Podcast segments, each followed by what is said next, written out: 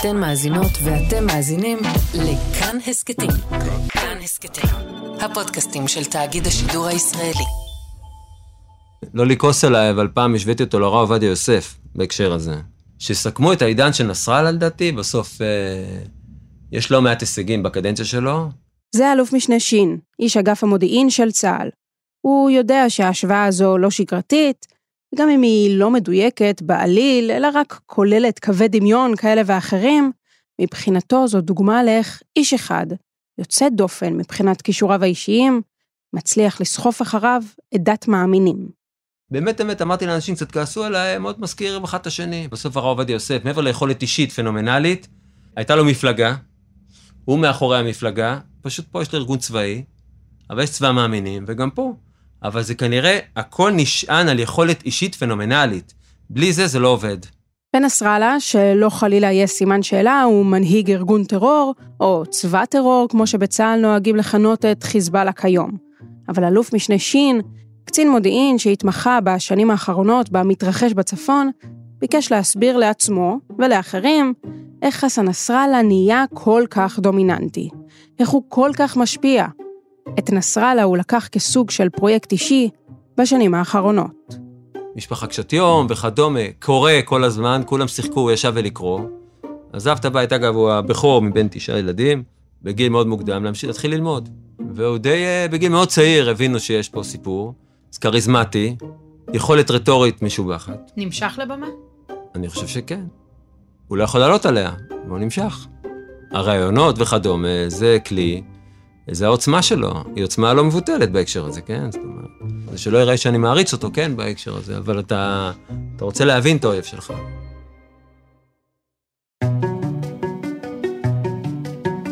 היי, אני גילי כהן ואתם על עוד יום, הסכת האקטואליה של כאן. הנה תיאור קצר של השבועות האחרונים בגזרה הצפונית.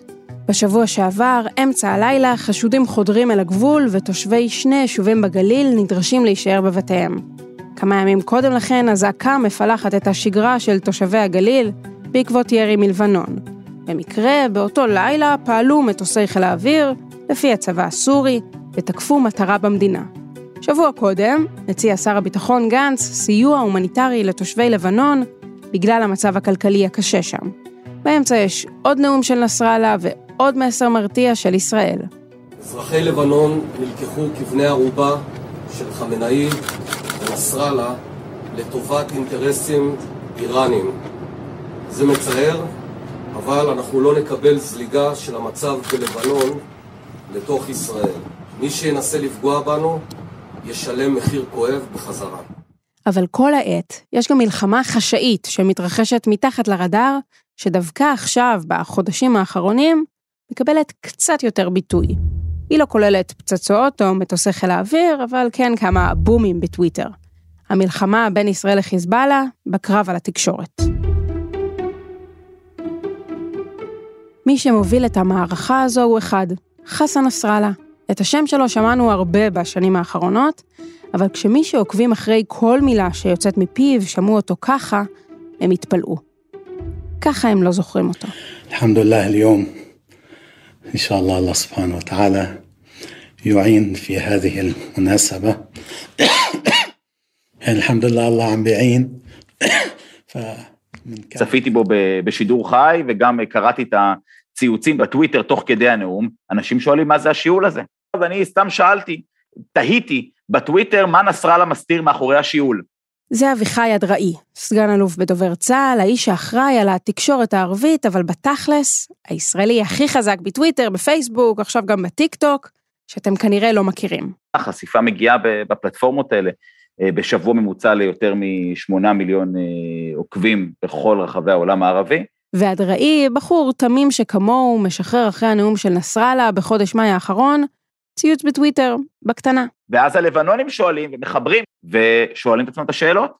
האם ישראל יודעת משהו שנסראללה לא יודע? האם ישראל יודעת משהו שהלבנונים לא יודעים? הקשר הלא ממש אינטואיטיבי הזה בין צה"ל לבין אזרחים בלבנון, והאמת ממש לא רק שם, קורה בעיקר בזכות הרשתות החברתיות. אנחנו בקשר עם עיתונאים לבנונים, אבל uh, הרבה פחות ממה שהיינו רוצים להיות בקשר עם לבנון, אבל זה, זה סוד כוחן של הרשתות החברתיות, אתה שם את האירוע הזה שם, ואתה אומר, בבקשה, לא רק לעיתונאים לבנונים, יש לכל המערכות התקשורת אה, בעולם, וגם בעולם הערבי, נציגים בלבנון. והנה, בבקשה, לכו תבדקו ולכו תאתגרו את הגרסה הישראלית, לכו תאתגרו את המידע שאנחנו חושפים בפניכם. זה בדיוק האאוטינג שישראל עשתה לחיזבאללה, או יותר נכון, ראש הממשלה דאז נתניהו עשה, בנאום באו"ם בשנה שעברה, שחשף אתרים בהם מאוחסנים טילים מדויקים. I say to the people of Lebanon, Israel means you no harm, but Iran does. Iran and Hezbollah have deliberately put you and your families in grave danger. And what you should make clear is what they have done is unacceptable. השלב הבא היה עוד ציוץ של אדראי בטוויטר עם נקודות הציון של אותם אתרים. עוד הטרלה קטנה לחיזבאללה.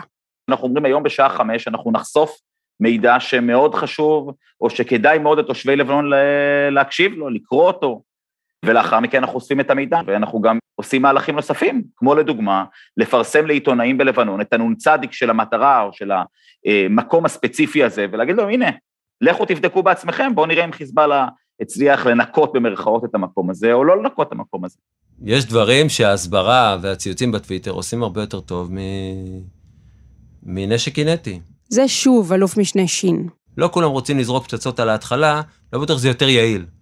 אבל כאיש מודיעין, אני אומר לך, או בכלל כאיש צבא, ראיתי איך הסיפור ההסברתי, או הנרטיב התקשורתי, תקשורת, בטח בעידן הנוכחי, שעידן המידע, מהפכת המידע, אה, אי אפשר להתעלם מזה. אני אגב חושב גם, שמי שהעצים את העולם הזה, אמת אמת, תחילה, זה נסראללה, שהשכיל לפני הרבה שנים לעשות בזה שימוש, אולי עוד לפני לא מעט מנהיגים בעולם, להיות שר הסברה.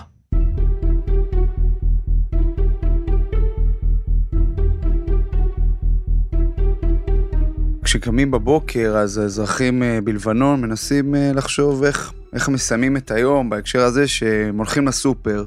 אם יש מוצרים על המדפים, אז זה מזל. זה רועי קייס, כתב כאן חדשות לענייני העולם הערבי. בשר זה הפך למצרך אה, נדיר, יקר. בשר זה דבר שכבר קשה מאוד לקנות בלבנון, מוצרי חלב גם.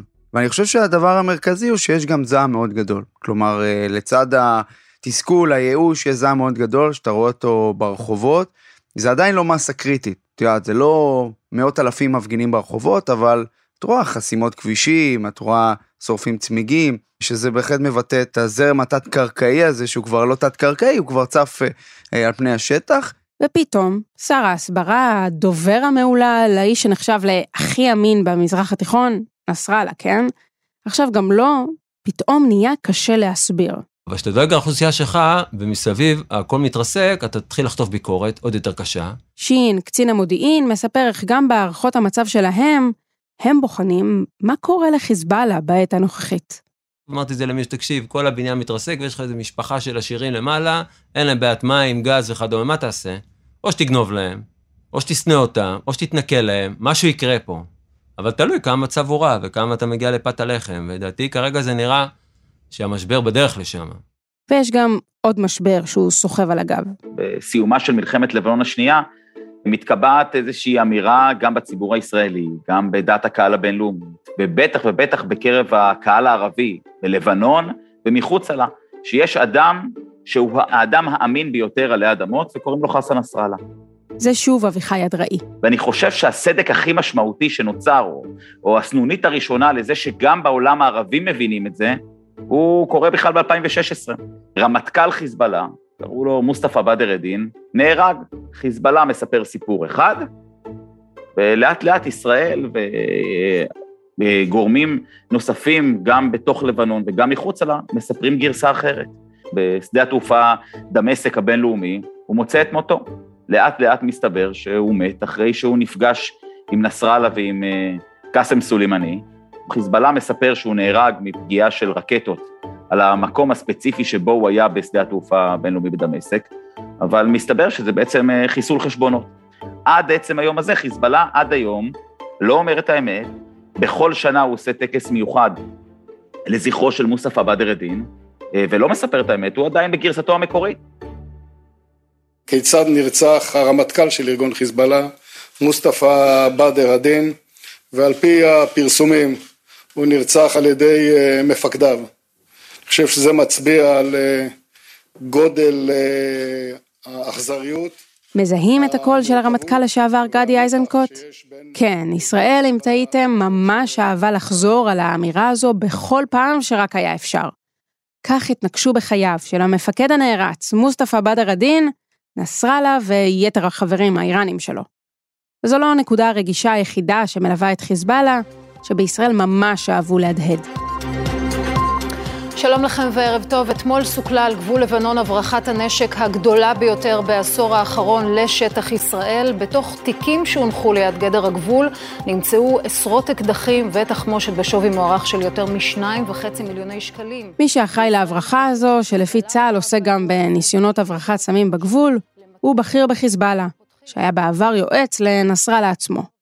עוד קלף במלחמה הפסיכולוגית מול הארגון. טוב לחשוף, טוב להעצים את זה, להראות, לא הכל טהור וכדומה, הרי זה, זה גם קצת מסבך את נסראללה לפעמים, זה גם נראה לו טוב, גם בתוך הארגון לא הכל טהור ונקי וערכי, ואני כן בעד חשיפות. חבר'ה, תדעו, תתעסקו, אני על זה, אני מכיר את זה, ויכול להיות שביום מן הימים אתם גם תפגשו את זה, או שפצצה תפגוש את זה. في المجال الإعلامي لأنه مبين واضح أمام الأعين نعم تظهر الإخفاقات والثغرات والأخطاء ويتم تسليط الضوء عليها אבל אם תשאלו את נסראללה, שבטח מקשיב לפרק הזה בעצמו, או שמישהו תרגם לו, הוא המנצח של הקרב הפסיכולוגי המשוגע הזה שמתנהל מול ישראל. בנאום ארוך למדי הוא הסביר איך התקשורת בעצם ניצחה את המלחמה האחרונה, מבצע שומר החומות, וגם נתן טיפים לטרוריסט שברשת. זוכרים את התמונה האיקונית של החבר מעזה, יחיא סינואר, על הריסות משרדו שהופצץ דקה אחרי המבצע בעזה? אז לדעת נסראללה, ככה בדיוק צריך להתנהל. ועדיף גם לצייץ את זה בטוויטר. הוא עושה את הדוברות, הוא עושה את האסטרטגיה, הוא עושה את המניפולציה, הוא מחליט מה הוא מסביר, הוא יודע להתנסח, הוא מתארגן לזה, אני מניח. הם גם ארוכים, אגב. כותב לבד את הנאומים? אה, אני לא יודע, אבל אני מניח שהנאומים האלה, שהם לא קצרים, זה נראה שהוא נערך אליהם, אי אפשר uh, לייצר נרטיבים, וגם תנועות ידיים, אגב, שהוא עושה למלחמה בסור, מי זוכר, זה, זה דברים שאנשים מאמצים. אחרי זה יש חולצות על זה. הוא עשה איזו תנועה של איך זה רובי ארונות. כאילו, החיילים הישראלים וזה. ואז ראיתי איזה ציוץ שעשו כאילו את התנועת ידיים שלו, שהוא תיאר איזו תנועה מאוד פשוטה, אגב, אני מראה לך אותה עכשיו, אפשר לראות את זה בפודקאסט, פלוס הפוך. יד על יד. פלוס הפוך. תגיע ככה, תחזור בארון. הוא מצליח לייצר את זה, את הכותרות. הוא אומן בזה. כי נסראללה מכיר את הסנטימנט הישראלי. הו-הו, כמה שהוא מכיר. ביום השנה ה-15 למלחמת לבנון השנייה הוא הפיץ, שוב, חלק מסרטון המתעד את תקרית החטיפה בגבול בשנת 2006. נחשו מה פתח את אחת המהדורות. כן, אז הוא יודע להכות, הוא קורא עלינו, אנחנו גם נותנים לו המון חומר לקרוא. לא משעמם. כמות המדיה בישראל והתקשורת וכמות הכתבים, זה המון חומר לקרוא. קוראים לזה מודיעין גלוי. במקרה שלו, ספרות מקומית. בכל זאת, יש הרבה זמן להעביר בבונקר. נסראללה העיד שהוא גם קורא ביוגרפיות. ביוגרפיה של אריאל שרון, לדעתי, יש איזה שתי ביוגרפיות האלה, לדעתי הוא קרא את שתיהן. אני חושב שהוא גם מעריך את המנהיגים הישראלים. בוודאות, בן גוריון, בוודאות אריאל שרון, זה מקור ידע. ללמוד, רגע, איך בונים מדינה? איך עושים את זה?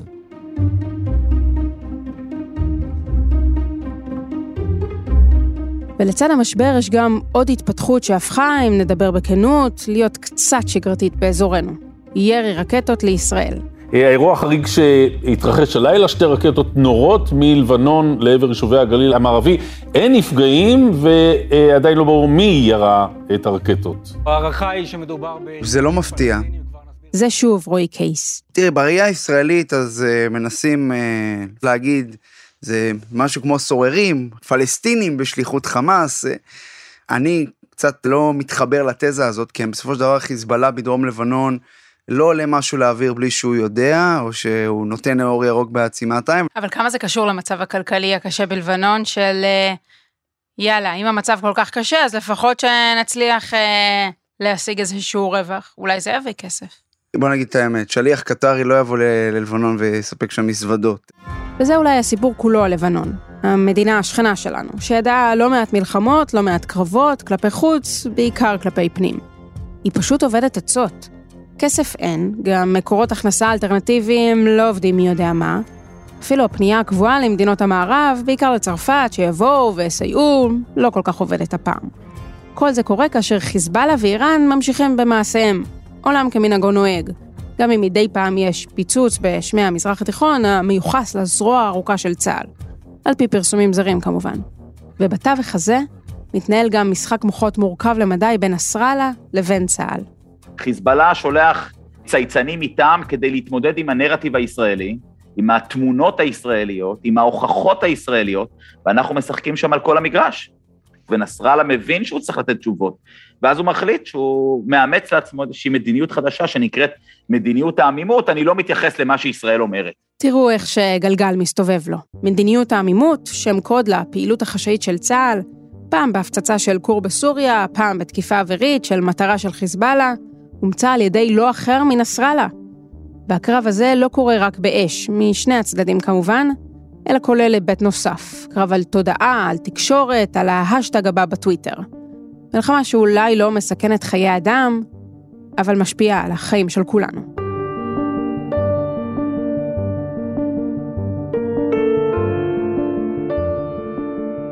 האזנתם לפרק של עוד יום, ערך דניאל אופיר, עיצוב קול ומיקס רחל רפאלי.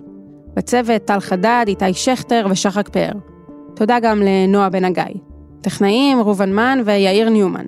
אם היה לכם מעניין, נשמח אם תשתפו את הפרק, אם יש לכם הערות על מה שאמרנו, אתם מוזמנים ומוזמנות לכתוב בקבוצת הפודקאסטים שלנו, כאן הסכתים. תוכלו לכתוב גם בדף של כאן חדשות בפייסבוק, או בחשבון שלי, גילי כהן, בפייסבוק או בטוויטר. עדיף בטוויטר, אני יותר שם. הסכתים נוספים מבית כאן חדשות תוכלו למצוא באפליקציית הפודקאסטים האהובה עליכם, באתר שלנו וגם בספוטיפיי. ויש לנו גם יישומון רכב חדש. נסו אותנו גם שם. אני גילי כהן, נשתמע.